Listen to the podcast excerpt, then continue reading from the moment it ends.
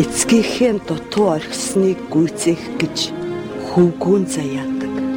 Миний хүү олон түмнээ элдээр битгий далайлгаарай. Их ухаанаар удирдаарай. Олон түмэн гэдэг чинь ухаантай эзний эвэл дор бөхөлцөж жаргадгийг муухай эзний балгаар чирэгдэж зовтгох юм шүү. Энд бидний хэн байх ёстойг бичиж хаашаа замнах учиртайг агуулсан. Тинээс номоо нэгэд уншия. Хайж болоод суралцъя. Түүхийн товчон.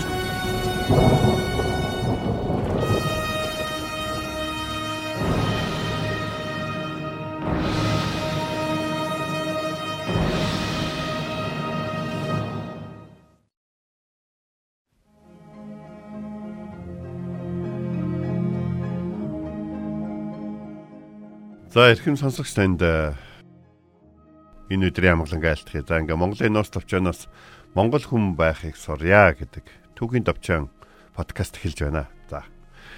Тэгэхээр өнөөдөр бид нэр э, хамтдаа юуны талаар ингээд ярилцах вэ гэхээр ер нь бол орчин цагт бол э, хүн болгон бүх зүйлийг чаддаг байх хэрэгтэй гэсэн үзэл баримтлал их болоод байна л та.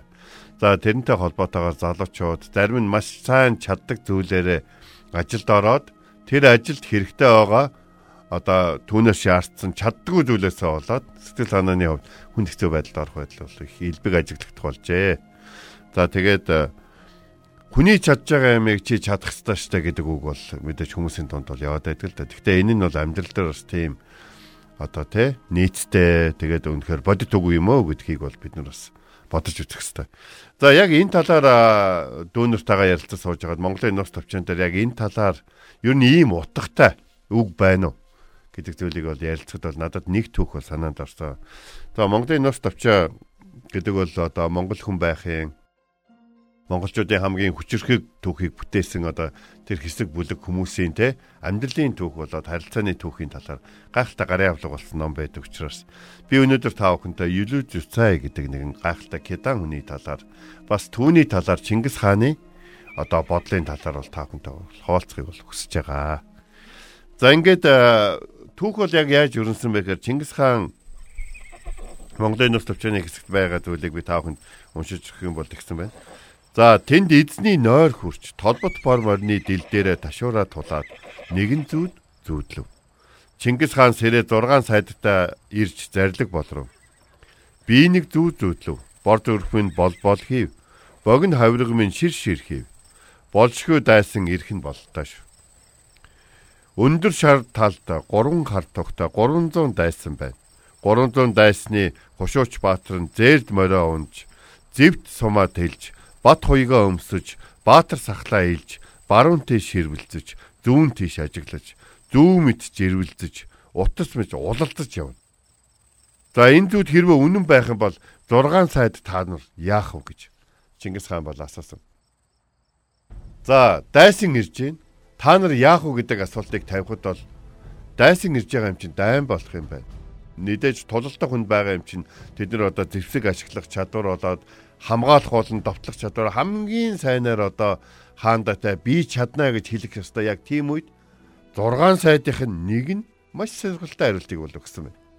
За энэ бол Чингис хаан Алтан улсыг эзлэх тулдааныхаа үеэр өөртөө олж авсан одоо хожим нь гэр бүлийн хамгийн үнэт хүн гэж нэрлэжсэн Юлүү Жуцай сайд буюу монголчуудын нэрлэж одоо нэг нэгэндээ одоо танилцуулж ирснээр 9 өрлөгийн нэг болох Чуу мэрэгэн. За Чуу мэрэгэн ингэж хэлсэн байна. Чуу мэрэгэн хэлвэ гэж. За мэдээж боорч одоо зэлэм мухлаа эднэр бол одоо хин эднэр борхол эднэр бол одоо алаад өгье шулаад өгье те хядаад өгье гэсэн байгаа шүү дээ. А гэтэл Чуу мэрэгэн довтлон орох чадалгүй боловч тогтсныг баттгах чадaltaй бай. Эрчлэн дайрах чадалгүй боловч эвдэрснийг сэлбэх чадaltaй бай. Уулхаа дантаа чуу мэргэн би уулгалан орох цагт ухран зүхтах магадгүйг урдаас хаандаа хэлчихэ. Улс орноо тогтоосон хойно чинь учиртаа үгээрээ тусалж чадна. Хар дайсныг довтлох цагт хаан эзэн чамд хашир миний боломжит үг хаяаж гисэн тус олно гэж бол хэлсэн байна.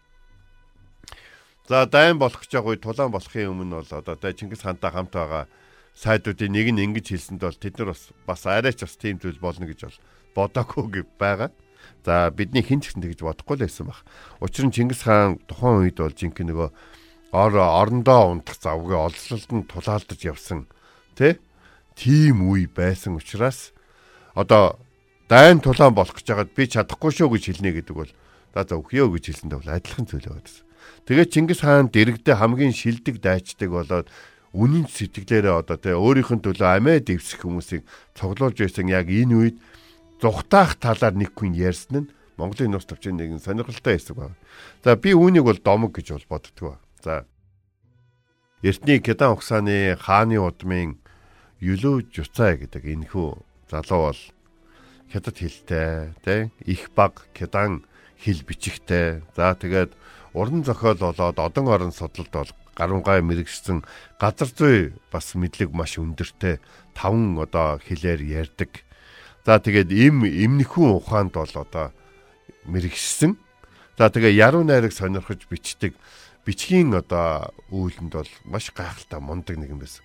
За түүнийг харин байлдаж чаддгүй гэж хэлэх гэхлээр нэг зүйл их сонирхолтой. Тэр үхээр тэр маш өндөр хүн байсан. 2 м гарan өндөр хүн байсан учраас түүнийг би байлдаж чадахгүй гэж хэлнэ гэхээр бол их гайх сонирхолтой. Гэтэ өнөөдрийн яг энэ түүхийг сонгосон сэдв бол юу гэхээр Чингис хаан эрдэмтэн мэрэгдэг болоо дайчин баатар руу жанждыг цуглуулж исэн боловч Тэдэн дотроо Эрдэмтэн мэрэгд их цөөхөн Чингис хаан дээр чуулан иржсэний хамгийн дээж нь одоо охин гэж хэлэх хүн нь бол Юлөөж уцаа сайд байжээ гэдэг нь бол эндээс бол харагдаж байгаа. За эртний гайхалтай одоо Монгол аймагуд бол Хэрээд аймаг, Найман аймаг гэх мэт тэр аймагудаас жишээ Найман аймагаас татаа тунгаа дагаж ирсэн гайхалтай мундаг бичгийн хүмүүс Баатар Ирс биш боловч улс гүрнийг тогтноход хамгийн гайхалтай гавья байгуулсан бичгийн хүмүүс олон ирсний нэг нь Чингис хаанд Юлүүж Юцай гэдэг энэ гайхалтай хүн байжээ гэж. За, довтлон ирэх чадалгүй боловч тогтсныг баттгах чадaltaй бий гэж. Юлүүж Юцай хожим нь Чингис хаан ингэж хэлсэн байдаг л да. Юлүүж Юцай бол Тэнгэрээс манай гэр бүлд хайрлагцсан хишиг байгаа юм. Хожим цэрэг засах болон ард түмний одоо хэргийг түүнд даатах бол одоо түүнд итгэж даатах бол загстай гэж бол хэлсэн байдаг.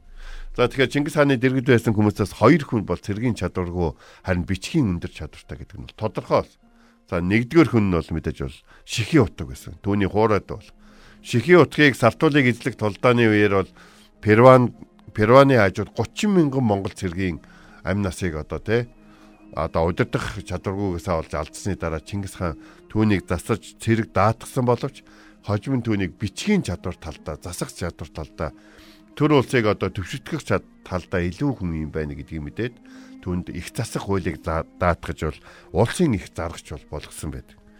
А харин юлж юцаа сайдыг хэдийгээр дайн толдооны үед бол би дугтаж магадгүй гэж хэлжсэн боловч түүнийг бол энгийн өдрүүдэд улс гүрнийг удирдан авч явахад оруулж ирсэн хувь нэмрийг нь үнэлжээс учраас Чингис хаан нэг гайхалтай үгийг өгөөдөд хаан болох үедээ бодож яваарай гэж бол хэлсэн байна би нэгэн үнэт хүнийг бүхнээс онцолж бүхнээс одоо сонгож чиний дэргэж зөвлөн суухыг томлон үлдээж байна. Тэр бол улсад хэрэгтэй гэдэг нь одоо түүний одоо түүний түүнийг одоо улсад хэрэглэж өргөөрэй гэж бол юулж уцааг бол одоо өгөөдөө ханд бол үлдээсэн байна. Гэхдээ Чингис хааны нэг зөв юм гайхалтай үг бас эндээс бас харагдаж байгаа. Тэрний үхэн Юлүүж уцай бол манай гэрүүл Тэнгэрээс олгогдсон бол хишиг хожим цэрэг засах болон ард түмний хэргийг түүнд даатах юм бол зохих юм байна гэдэг энэ үг нь бол Юлүүж уцай хэдийгээр жанжин хүний одоо мэрэгэн ухаан байхгүй боловч цэрэг хүн дайн тулаанд хэрхэн бэлэн болох вэ? Түүнд юу юу хэрэгтэй вэ? Цэргийн хувцас хэрэгсэл одоо унаа морд те хоол хүнс энэ бүхнийг татвараар хэрхэн бий болох вэ хэрхэн засан сэдвэд сайжруулах вэ гэх мэт олон олон зүйлүүдийн хувьд жижиг жуцаа сайдын бол төр улсад оруулсан хувь нэмэр бол хөх төрд оруулсан хувь нэмэр бол үнэхээр бол гайхалтай. Тэгэхээр эндээс нэг зүйлийг бол харж байна. Юлүүж Юцай гэдэг сайдыг Алтан улсыг эзлэх үеэр бол Чингис хааны бол хүмүүс бол Чингис хаанд бол авчирсан. За тэгээд бол кино уран зохиолдоор бол түүнийг бол маш их юм гайхалтай үнээр бол юудаг боловч яг үнэндээ зарим нэг түүхтэр юу гэж хэлдэг вэхээр Чингис хаанд олзлогдох үедээ лам байсан баг. Тэгээд Чингис хааны одоо алтан улсыг эзлэх аяндаа эхэлсний дараа тэр төрийн хэргийг төр орхиод төшөмлийн хэргийг төр орхиод хийдэд очиод баг 3 жил орчим бол тэ одоо энэ хүний амьдралын хэргийг бол огоорчвол тэ бясалгал одоо гэгэрлийн ажлыг хийж байгаа Чингис хаан дээр бол ирсэн байна. Тийм учраас их Монгол улсын бол одоо тий зөөлөн бодлогын бол хамгийн их нөлөөг үзүүлсэн гүнэ гэж бол түүх бол түүнийг бол хэлдэг байна. А харин Чингис хаан нэг л удаа түүнээс байлдах дайсан ирж байна. Байлдах уу гэдэг асуултыг асуухад тэр шудрах хариулсан учраас хожим нь түүнд бол дахин дахин түүнийг те цэрэг ардын хэрэгтэй юм уу цэрэг дайны хэрэгт бол түүнийг бол хүчлээгүй гэдэг нь Чингис хааны бас өөртөө байгаа мэрэгжилтнүүд болон чадвартангуудыг хэрэглэн зохион байгуулах те бас хэрэгтэй газар нь яг байлгаж одоо түүний дотор байгаа яг үнэхээр үнэт бэлтгэгдсэн зүйлүүдийг зөв хэрэглэж байсан одоо мянганы суут удирдахч хүн гэдгийг нь бол нэгэн бас нэгэн баталгаа бол болж өгдөг ба. Хүмүүс ажилд орох үедээ намайг яг ийм байдлаар хэрэглэнэ гэд ямар ажил сонирхож байна гэдэг хэсгээр бол бүгэлдэг ба. Тийм болохоор заримдаа бол хүн бол орж ирээд мэдээд бол ажил хэрэг бол янз бүрийн байдлаар бол шин одоо нөхцөл байдал үүсээд хүний нөөцөө өөрсдийнхөө дотоод хүчийг ашиглах шаардлага бол гардаг мэдээж бол. Чингис хаан ч гэсэн 6хан сайдтайгаа явж исэн өөр цэрэг ирс олныг дагуулаагүй байсан учраас тэр 6 сайдтайгаа л тэр 300 одоо тайчуудтай тулааныг хийх шаардлагатай болсон. Тэг хичнээн тулалдах болсон ч гэсэн чуу мэргэн би дутаж магадгүй шүү гэж бол хэлсэн. За ингээд чөө мэрэгний талаар яриагаа хэсэг хойшлуулад нөгөө тулаан юу болвэ гэдэг түүхийн хэсэг рүү орох юм бол харт туг барьсан 300 тайчууд бол үнэхээр хурж ирээд Чингис хаан болон түүний сайдвартай шууд тулдаан хийсэн. Уг нь бол тэдэртээ бол боорч бол одоо игнэнээсээ гарч очиод ярилцахыг хүссэн боловч бид тэ бид бол нэрээ хэлэх гэж ирээгүй байтах гэж ирсэн тулдахаар ирсэн гэж бол тэд нар бол ерөөсөө тийм одоо ухаант хүний одоо зохицолтон одоо ярилцаж болох аргыг сонгоогүй учраас Чингис хаан болон түүний сайдууд бол байлцсан. За энэхүү тулаан бол богино хугацааны дотор маш хүчтэй өрнсөн гэдгийг бол Монголын нус төвчөн дээр бол бичсэн байдаг. Тэн дээр бол жишээ нь борхол толгоондоо одоо харвагдан унаад те одоо юугаа а тогтож ядчихагаад бас борч зэмлүүлсэн гэсэн байдаг бол хим чоо мөргөн бол яг л нөгөө хилжсэнараа шууд тогтсон. Тэгэхээр нь бол одоо нэг хэлж байгаа шүү дээ. Гэхдээ энэ ч одоо эзэн хаандаа ингэж үтгэдэг юм уу? Гэхдээ чи одоо ингэж зүхтах чи юу вэ гэж бол нэг нь хэлэхэд бол чоо мэргэн хурж ирээд инэв хийлэн гэдэг үг ба. Яг тэгэхээр тэр үнэхээр сэлэм жад барьж дайсантайгаа нүүр тулан тулалддаг нэг юм бол бас биш байгаа гэсэн. Бараг лам хүн байсан гэдгийг бол бид бол дурдсан байгаа. За гэтэл За зэрэглэн байлдъя гэсэн чи зэв дутаад байна гэж бол хэлсэн байна. Тэгээ Чингис хаан бол өөрийнхөө одоо саадгаас шунхан одоо зэвийг бол авч өгөхөд чуу мэрэгэн дайсны тэргүүнийг харсан баг. Тэгэхээр э, тэр ингээд цэрэг болгонтой сэлэм зөрүүлж одоо те нүүр тулсан болгонд жад зоож одоо харваж ингэж явдаг тийм баатар ир бол угаасаа биш байсан гэдгээ энэ дээр бол баталж байгаа.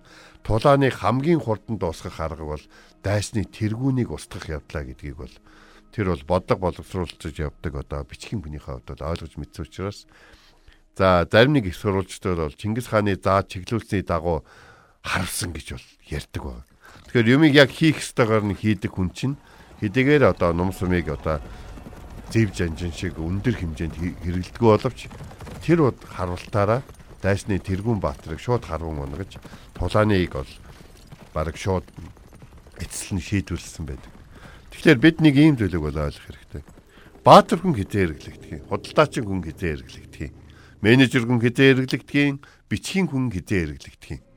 Одоо тайлбарлан таниулах чадвартай хүн нь хизээ хэрэглэгдэх, одоо ятхан одоо тий синхруулж одоо буцааж хүмүүсийг зөв байрлалд нь чагсаадаг хүн хизээ хэрэглэгдэх.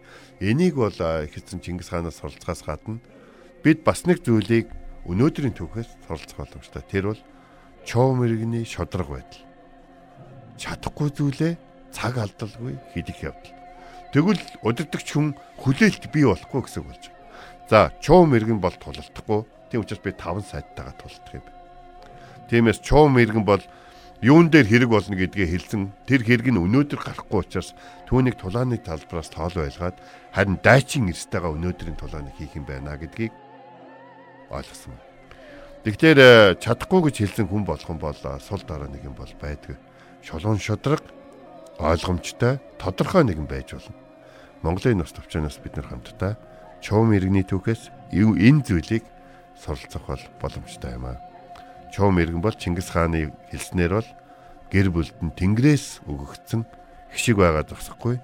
Өгөөдөө хүүдээ бүхэл өтөн одоо асар өргөн удам улс гүрнийг үлдээж байгаа ч гэсэн өгөөдөө хад хүүдээ үлдээж байгаа хамгийн үнэт зүйлээ би чамд өгж байгаа хамгийн үнэт зүйл бол чуум иргэн юм шүү гэж хэлсэн байна. Тэгэхээр хүнийг үнэлэх үнлэмж нь сайн байсан учраас Чингис хаан мянганы суутхан болсон байдаг. За тэгээд э, Монголын нуус тавчаа бол монголчуудын талаар бол бичсэн ном байгаа. Та бүхэн хэрвээ энэ номыг судар гэж харах юм бол танаа гэрийн хойморт хинч хүрэхгүй байх болно. Хэрвээ та энэ номыг бидний түүх, бидний амьдралын хэрэглээ гэж харах юм бол монгол хүн байхын нууцыг Монголын нуус тавчаанаас таасаар боломжтой. Түүхийн тавчаан подкастын энэ удаагийн дугаар өндөрлөж байна. Дараа дахин уулзъя.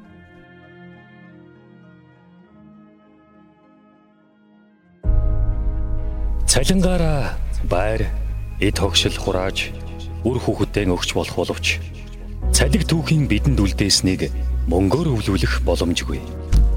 Түүхийн товчон